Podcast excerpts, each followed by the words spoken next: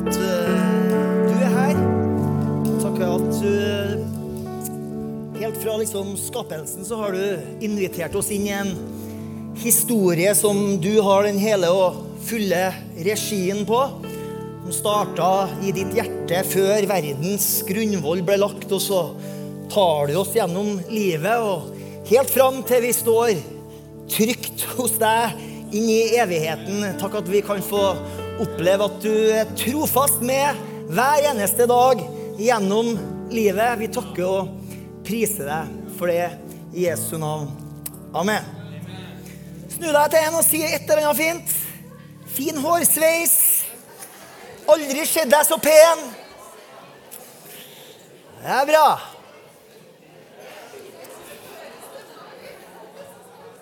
Godt nyttår til dem jeg ikke har sagt det til.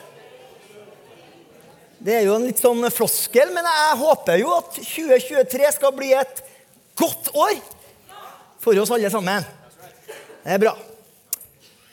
Krille, vet du, jeg elsker dialekta di. Så kjølig godt.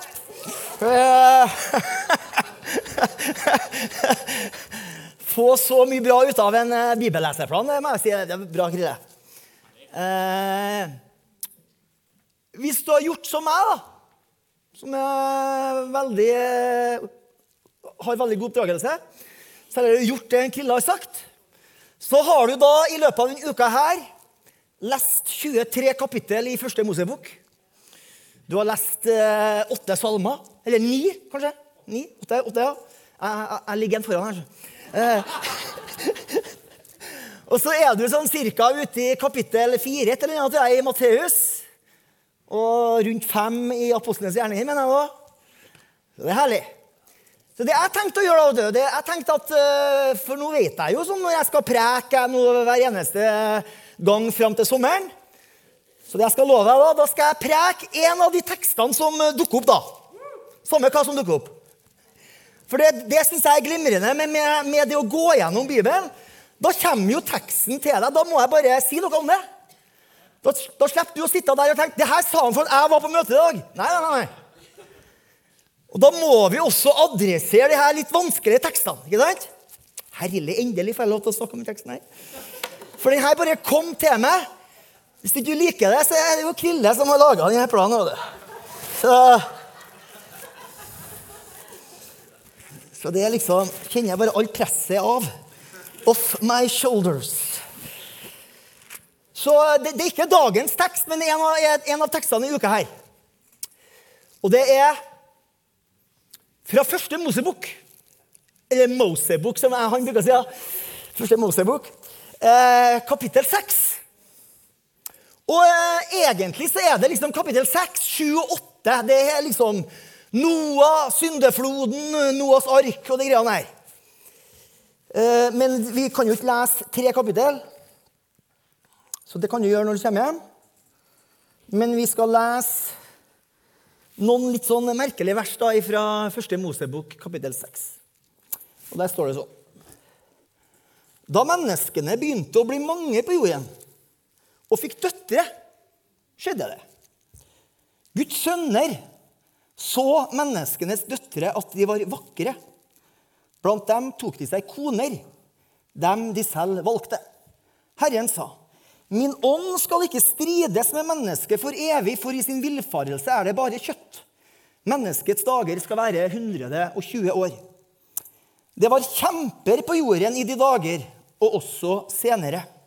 Da Guds sønner gikk inn til menneskenes døtre, og de fødte dem barn. Dette var de mektige fra gammel tid, de navngjetne menn. Da så Herren at menneskets ondskap var stor på jorden, og at hans hjertes tanker var fulle av ondskapsfulle planer hele dagen. Herren angret at han hadde formet menneskene på jorden, og han ble sorgfull i sitt hjerte. Da sa Herren, de menneskene jeg har skapt, vil jeg utslette fra jordens overflate.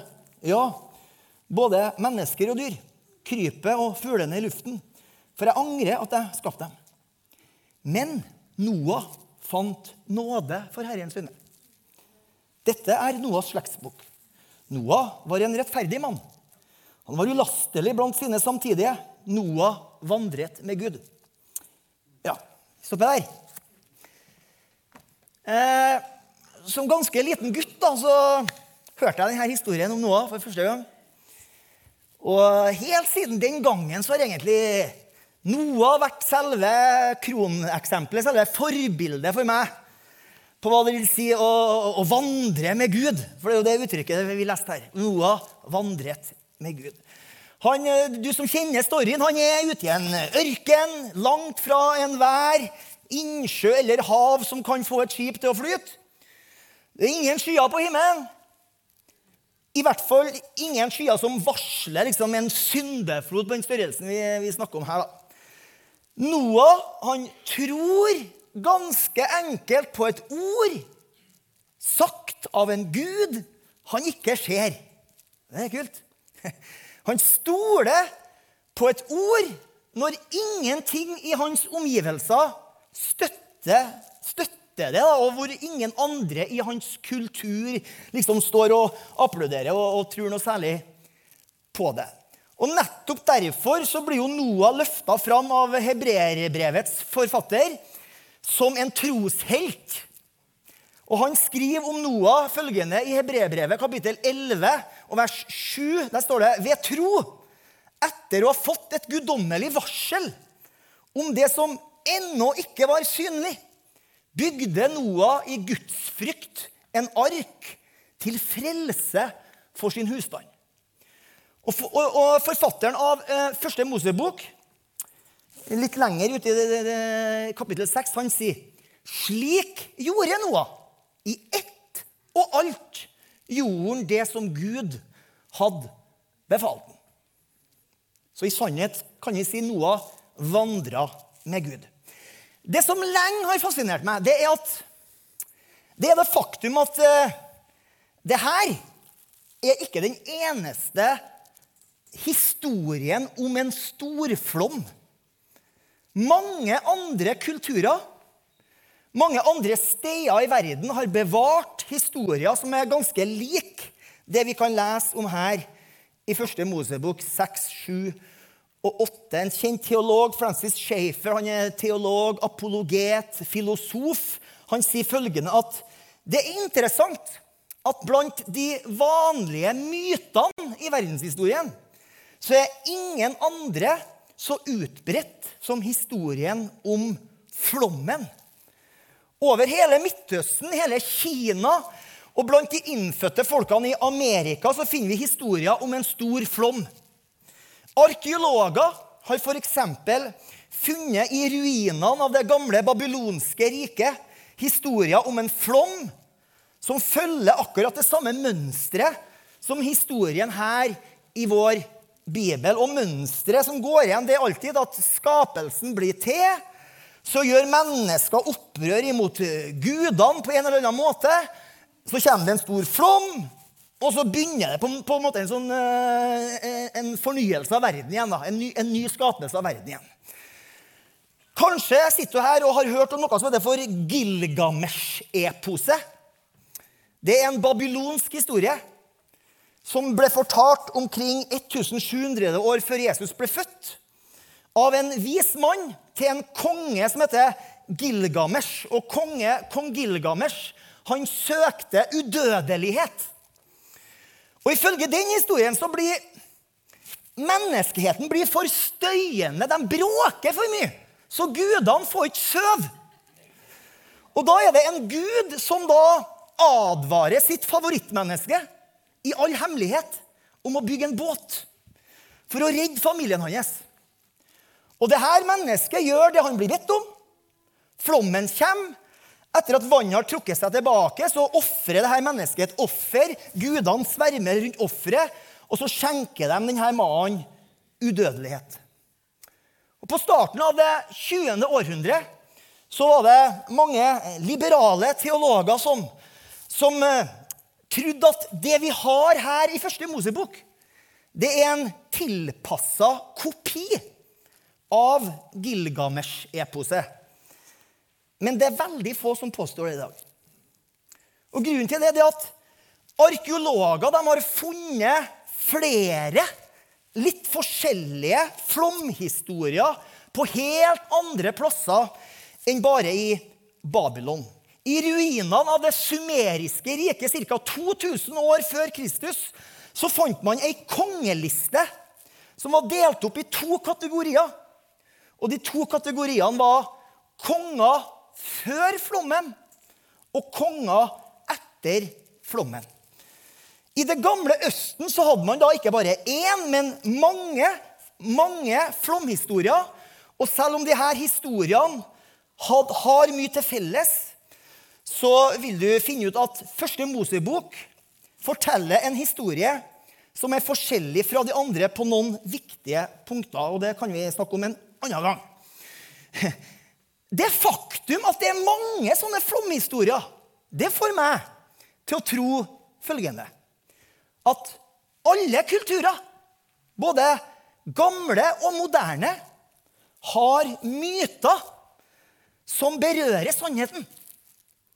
Og jeg velger ordene veldig bevisst. Berører sannheten. Jeg sa ikke at det var sannheten. Toucher borti sannheten. Har du sett den nye filmen 'Troll'?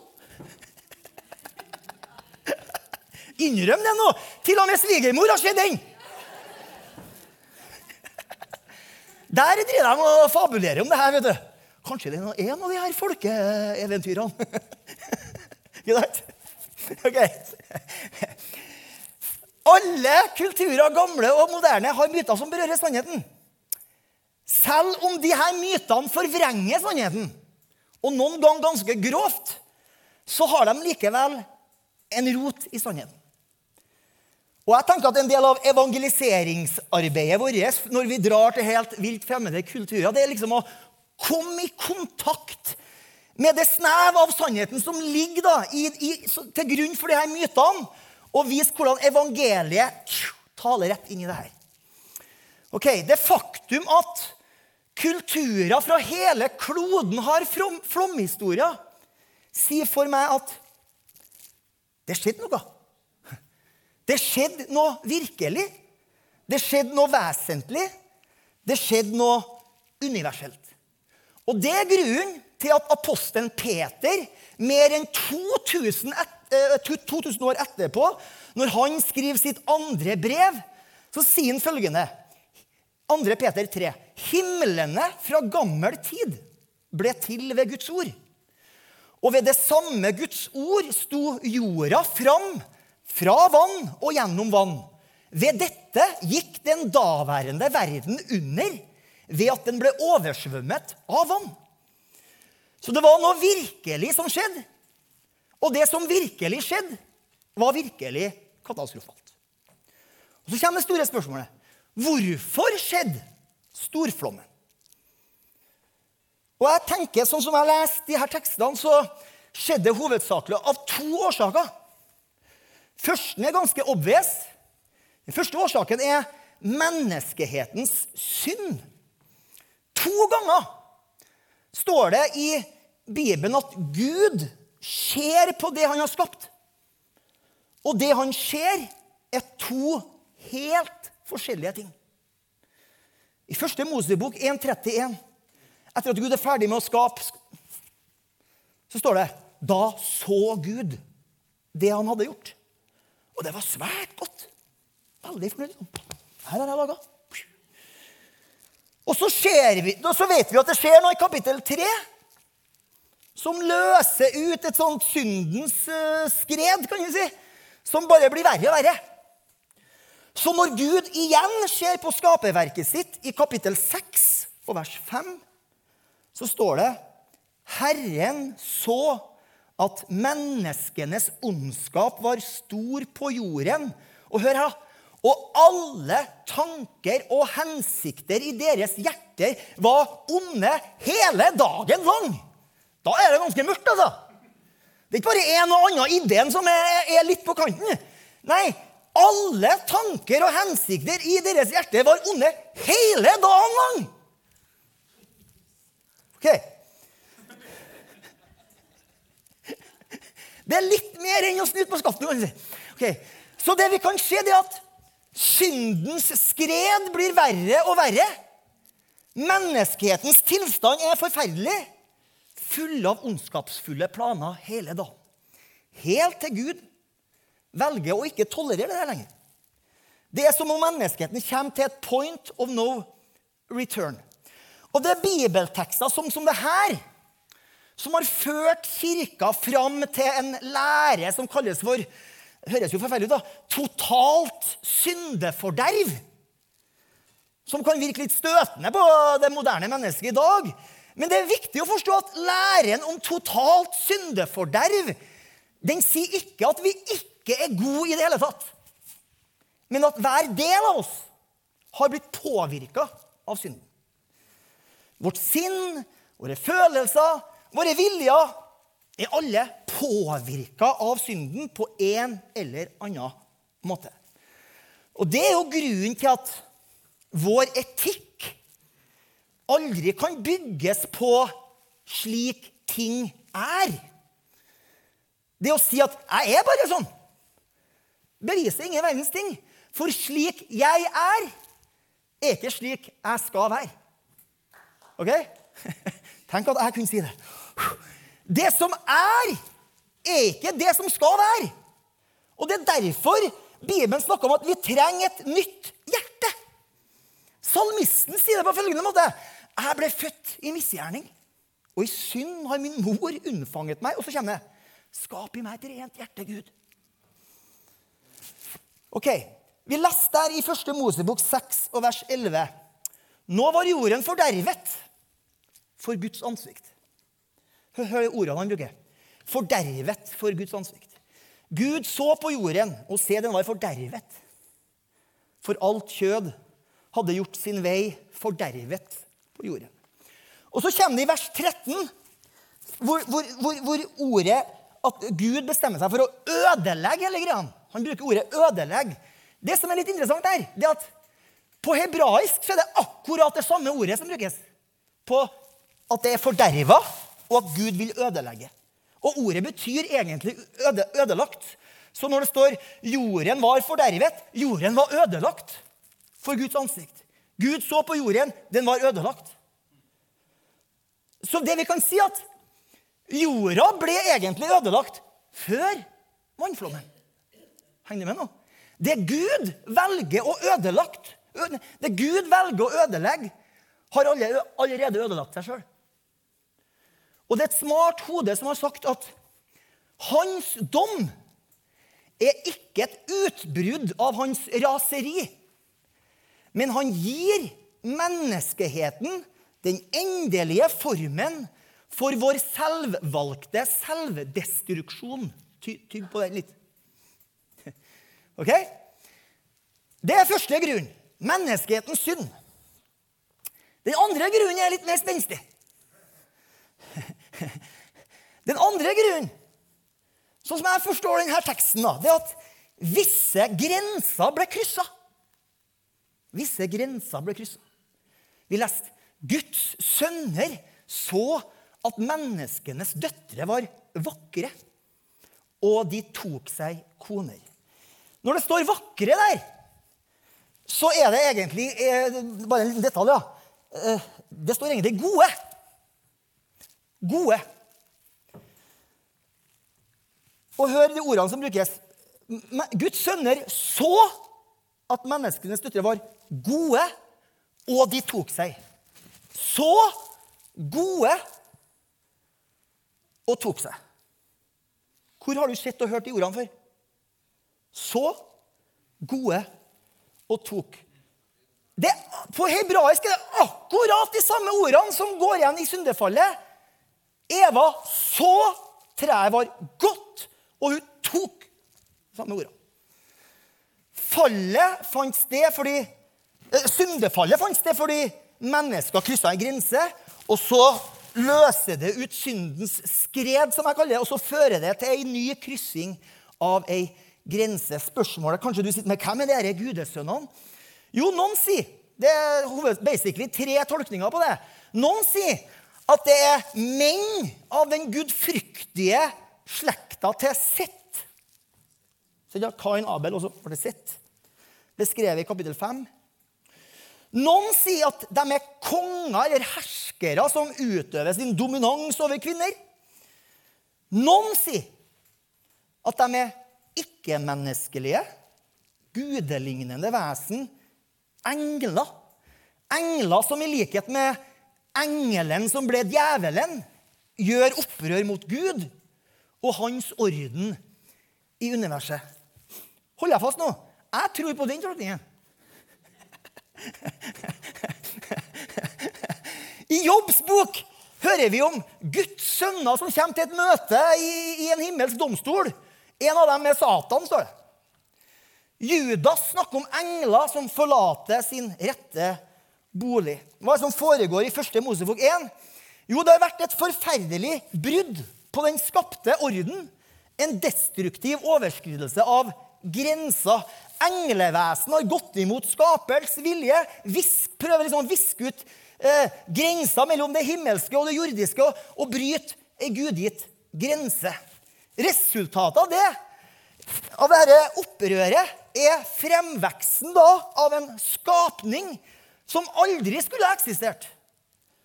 Kjempene, eller det såkalte nefilim, som det står. Det er skapninger som menneskene ikke kunne kontrollere.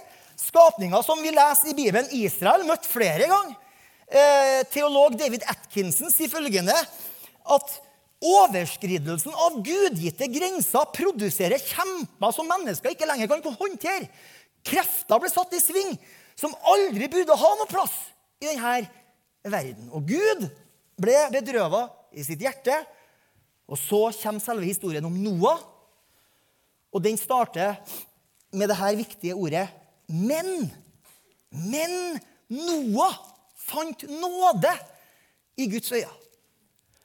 Og det er egentlig han jeg har lyst til å snakke om. da. Jeg ble bare litt revet med av noen detaljer. Ok? Har du noe tenkt på det? Nå kommer jeg. Forfatteren understreker at Noah fant nåde hos Gud. Og så kommer det eh, ett eller to vers etterpå. Noah vandret med Gud. Så, så hva skjedde først? Han fant nåde hos Gud. Nåde kommer først. Det er ikke sånn at først så må du vandre, og så, alt etter hvor godt du vandrer, så får du nåde hos Gud. Nei, Noah fant nåde hos Gud, og så vandra han med Gud. Nåde gjorde han i stand til å vandre med Gud. Nåden gjorde det mulig for Noah å tro på denne merkelige befalingen om å bygge en båt i ørkenen uten skyer på himmelen. Nåde gjorde det mulig for Noah å kaste seg på et ord som ble betrakta som absurd av hans omgivelser. Så det er veldig mye jeg beundrer med Noah. Han er kanskje det mennesket i Bibelen som med størst tyngde kan si følgende Ett menneske kan utgjøre en forskjell. Ett menneske kan utgjøre en forskjell. Hans rettferdighet frelste menneskeslekta fra ødeleggelse. Og Jeg skal avslutte med litt sånn eh, enkle punkter. Det er fem områder som Noah viser oss at jeg og du kan utgjøre en forskjell på. For vi ønsker jo det. Vi ønsker ikke bare å leve i 70 år, og så er det borte. Vi ønsker å utgjøre en forskjell. Og det er fem områder vi kan utgjøre en forskjell på. Nummer én du kan utgjøre en forskjell for din familie. Aha. Et liv i lydighet til Gud har i seg et potensial til en positiv innflytelse på andre mennesker. Og det er ikke bestandig vi, vi, vi, vi får med oss det liksom i kampens hete. Vi, tenker veldig smått om oss sjøl. Når du ser på Noah, så er det sånn det livet han levde Han vandra med Gud, han var rettferdig. Skapte ikke bare fordeler for han sjøl. Det frelste hele familien hans. Det var bare Noah som vandra med Gud. Men hele familien ble med i arken. Det står der i første Mosebok kapittel 7 står det vers 1. Så sa Herren til Noah, kom inn i arken, du og hele ditt hus. For jeg har sett at du er rettferdig for mitt ansikt i denne slekta. Du skjønner at dem som står deg nærmest, drar størst fordel av at du lever for Gud. Så til deg som sitter her, du ber kanskje for familien din om at de også skal se og oppleve frelsen i Jesus Kristus. Gjør som Noah. Vandre med Gud. Gjør i ett og alt alt det som Gud har sagt. Det vil ikke bare velsigne deg, det vil også velsigne dine nærmeste. Det andre er at du kan utgjøre en forskjell nå begynner det å bli svært da, for Guds skaperverk. Nå tenker jeg at det er ingen av, av oss her som vil bli akkurat som Noah. Og det er jeg glad for, egentlig. da. Ingen her vil få et ord fra himmelen om å bygge en båt i ørkenen som er 150 meter lang, 30 meter brei og 15 meter høy. Og hvis du regner på dager og måneder, så holdt den på i 100 år. Det er mye arbeid. Uten noe applaus underveis. Da skal du ha steder. Han var unik. Så Eksakt som han? Nei. Men du kan også ha innflytelse på verden rundt deg. Du kan gjøre plassen som du bor, til et bedre sted. Det må vi tenke. Så vi kan utgjøre en forskjell for Guds skaperverk. Nummer tre. Du kan utgjøre en forskjell for framtidige generasjoner. Vi sitter jo her på grunn av noe. Hvem vil sitte her om 2000 år på grunn av meg og deg? Ikke sant?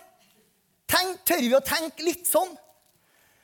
Eh, det er jo en historie om en, om en 80-åring som eh, holdt på å plante eplefrø. Så kom det en sånn ypling som en krille forbi. What? Holdt på å plante eplefrø? Tror du at du vil spise epler av det treet noen gang? Du er død lenge før det, det kommer epler. liksom. Litt sånn håndmodig. Så sa han 80-åringen det stemmer, men noen vil det. Så Ja, noen vil det. Altså, mine og dine handlinger kan hjelpe dem som kommer etter oss. Begynner å bli svett nå.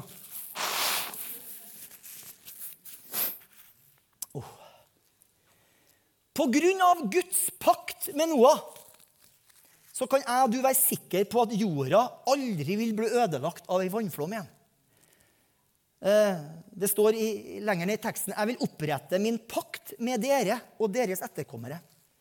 Og med hver levende skapning hos dere, fuglene, fe og hvert villdyr på jorden hos dere. Med alle som kom ut av arken. Hvert dyr på jorda. Slik oppretter jeg min pakt med dere. Aldri mer! Det er Gud som sier det. Aldri mer skal alt kjøtt bli utsletta ved en vannflom. Aldri mer skal en vannflom ødelegge jorda. Så verdens befolkning i dag drar nytte av ett rettferdig menneskes liv. Og det, det prinsippet gjelder jo ikke bare for han. Det gjelder også for meg og deg. Nummer fire det er noe som vi ofte ikke tenker på. det at Vi kan utgjøre en forskjell for Gud. Altfor ofte overser vi vår viktighet for Gud. I, i andre krønikebok så står det Herrens øyne farer over hele jorden. Og han leter etter noen. Han leter dem, etter dem som har et helt hjerte med han. Andre plasser står det jeg lette, og jeg fant David, mannen etter Guds hjerte. Og så leter han etter et menneske, menneske, som kan stå i gapet, står det. Så du skjønner Gud leter etter noen som kan liksom aksle litt ansvar og gjøre som Noah. I ett og alt så gjorde han det som Gud ba han om å gjøre. Vi kan utgjøre en forskjell for Gud. Og det femte er at vi kan utgjøre en forskjell uansett alder. Det er jo gode nyheter. For vi har så lett for å begrense oss sjøl. Og det, det, det, det, er det ene og det andre. 'Nei, jeg har ikke noe talent på det her.' 'Nei, jeg er for dum.' 'Jeg har ikke noe erfaring.' 'Jeg er for gammel.' 'Jeg er for ung.' Og så videre og så videre. Mange føler seg begrensa av bl.a. alder men eh, med Gud så kan en person utgjøre en forskjell uansett om, omstendighet. Altså, Alder betyr jo ikke noe for han. Det, det er jo Bibelen full av eksempler på. I Johannes 6 leser vi om en liten gutt som bidrar med en matpakke. ikke sant? Og 5000 foruten kvinner og barn. Blir, han utgjør en forskjell for 10 000-15 000 mennesker, kanskje. En liten gutt. Og så har du Noah. Han er 600 år. Så hvis du er en plass mellom der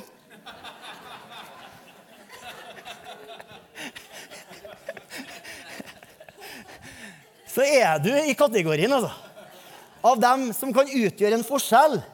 Ingen er for ung, ingen er for gammel for å utgjøre en forskjell. Yes, Jeg skal avslutte med noen siste visdomsord fra Noah. Er du klar for dem? Ok. Nummer én. Ikke vær redd for å stikke deg fram i mengden. Det er litt sånn unorsk. Men tenk på Noah. Han, han vet hvordan det vil si å være alene. altså. Jeg mener, står opp om morgenen og bygger båt i 100 år. Ingen, ikke noe regn, ikke noe skyer, ikke noe applaus. Det er bare liksom haters. Så, så, liksom, ikke vær redd for å stikke deg litt fram i mengden. Det var, det var ikke noe oppmuntring å få på 100 år!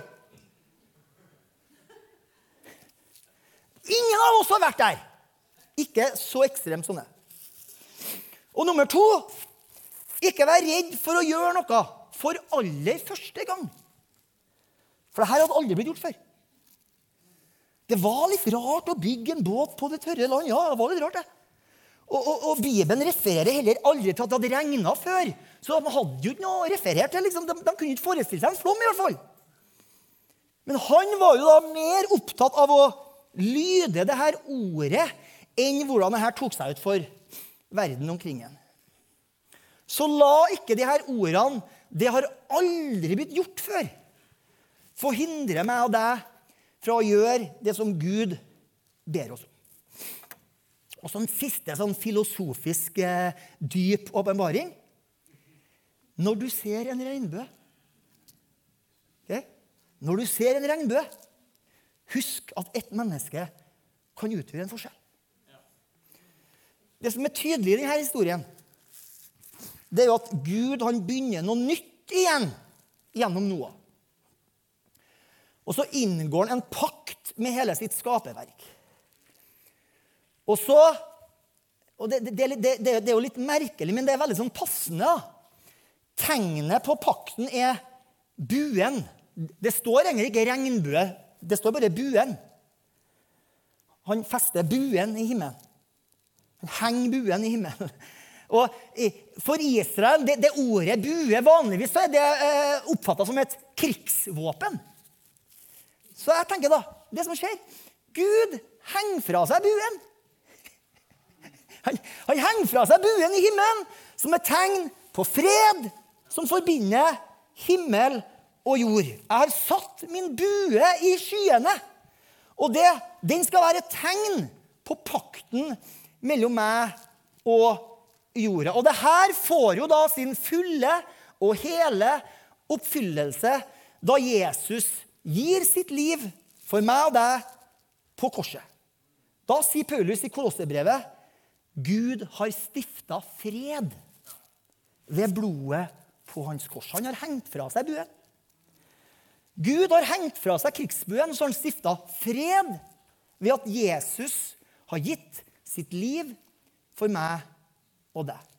Én ting er jo det at Noah var et menneske som utgjør en forskjell.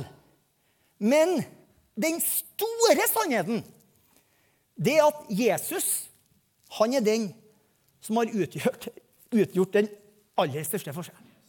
Det skjønner vi. Han har utført noe som alle mennesker kan få oppleve fordelen av. Du vet, i syndefloden så var det sånn at de, rett, da, da var det sånn at de urettferdige, de gikk under. Og den rettferdige Noah Han ble berga for livet. Med Jesus er det jo motsatt. Der er det de urettferdige som blir berga. Og så er det den rettferdige, han sjøl, som går under. Som gir sitt liv som soning for min og din synd. Det er flott. Det er evangeliet. Det tror vi på. Skal vi lovsangerne komme opp? Hvis du er her vet du, og ønsker å være med på det laget vet du, som kan utgjøre denne forskjellen sammen med Jesus, så skal vi få opp ei bønn på skjermen. Går det an, eller? Vi skal få den opp. Vi tror på det. Så skal du få være med å be den bønna. Hvis du aldri har bedt denne bønna før. Hvor du kan liksom invitere Jesus inn i livet ditt. Skal vi gjøre det sammen? Skal vi riste oss opp? Og Så ber vi denne bønna sammen. Én, to, tre. Takk, Jesus, for dagen i dag. Jeg ønsker at du skal fylle mitt liv med din fred. Du tar imot meg, og jeg ønsker relasjon med deg. Hvis du ba den bønna for aller første gang, så bruker vi å si tre ting. Og det er si det til noen. Ikke hold det for deg sjøl. Si det til noen som du har tillit til. Og så kan de kanskje da hjelpe deg med det neste steget. Det andre er jo les i Bibelen. Det har vi nå et opplegg for. vet du. Les i Bibelen. Start gjerne med kanskje Det nye testamentet, eller begynn med denne bibelplanen. Det vil hjelpe deg. Og det tredje er finn deg ei kirke, og vi i Betel vi ønsker å være ei kirke for alle mennesker. Gud velsigne deg. Hei, og takk for at du har sett på eh, en tale fra Betel Trondheim. Nå kanskje du sitter igjen med spørsmål og et behov for å snakke med noen. Da er du hjertelig velkommen til å ta kontakt med oss. Du er også hjertelig velkommen til å komme og ta del av gudstjenestene vår, eller det som skjer i ungdomsarbeidet eh, i kirka vår. Jeg tenkte at jeg hadde lyst til å avslutte med å lyse Herrens velsignelse, så vær så god, ta imot. Herren velsigne det og bevare det. Herren la sitt ansikt lyse over det og være det nådig. Herren løfte sitt åsyn på det og gi det fred.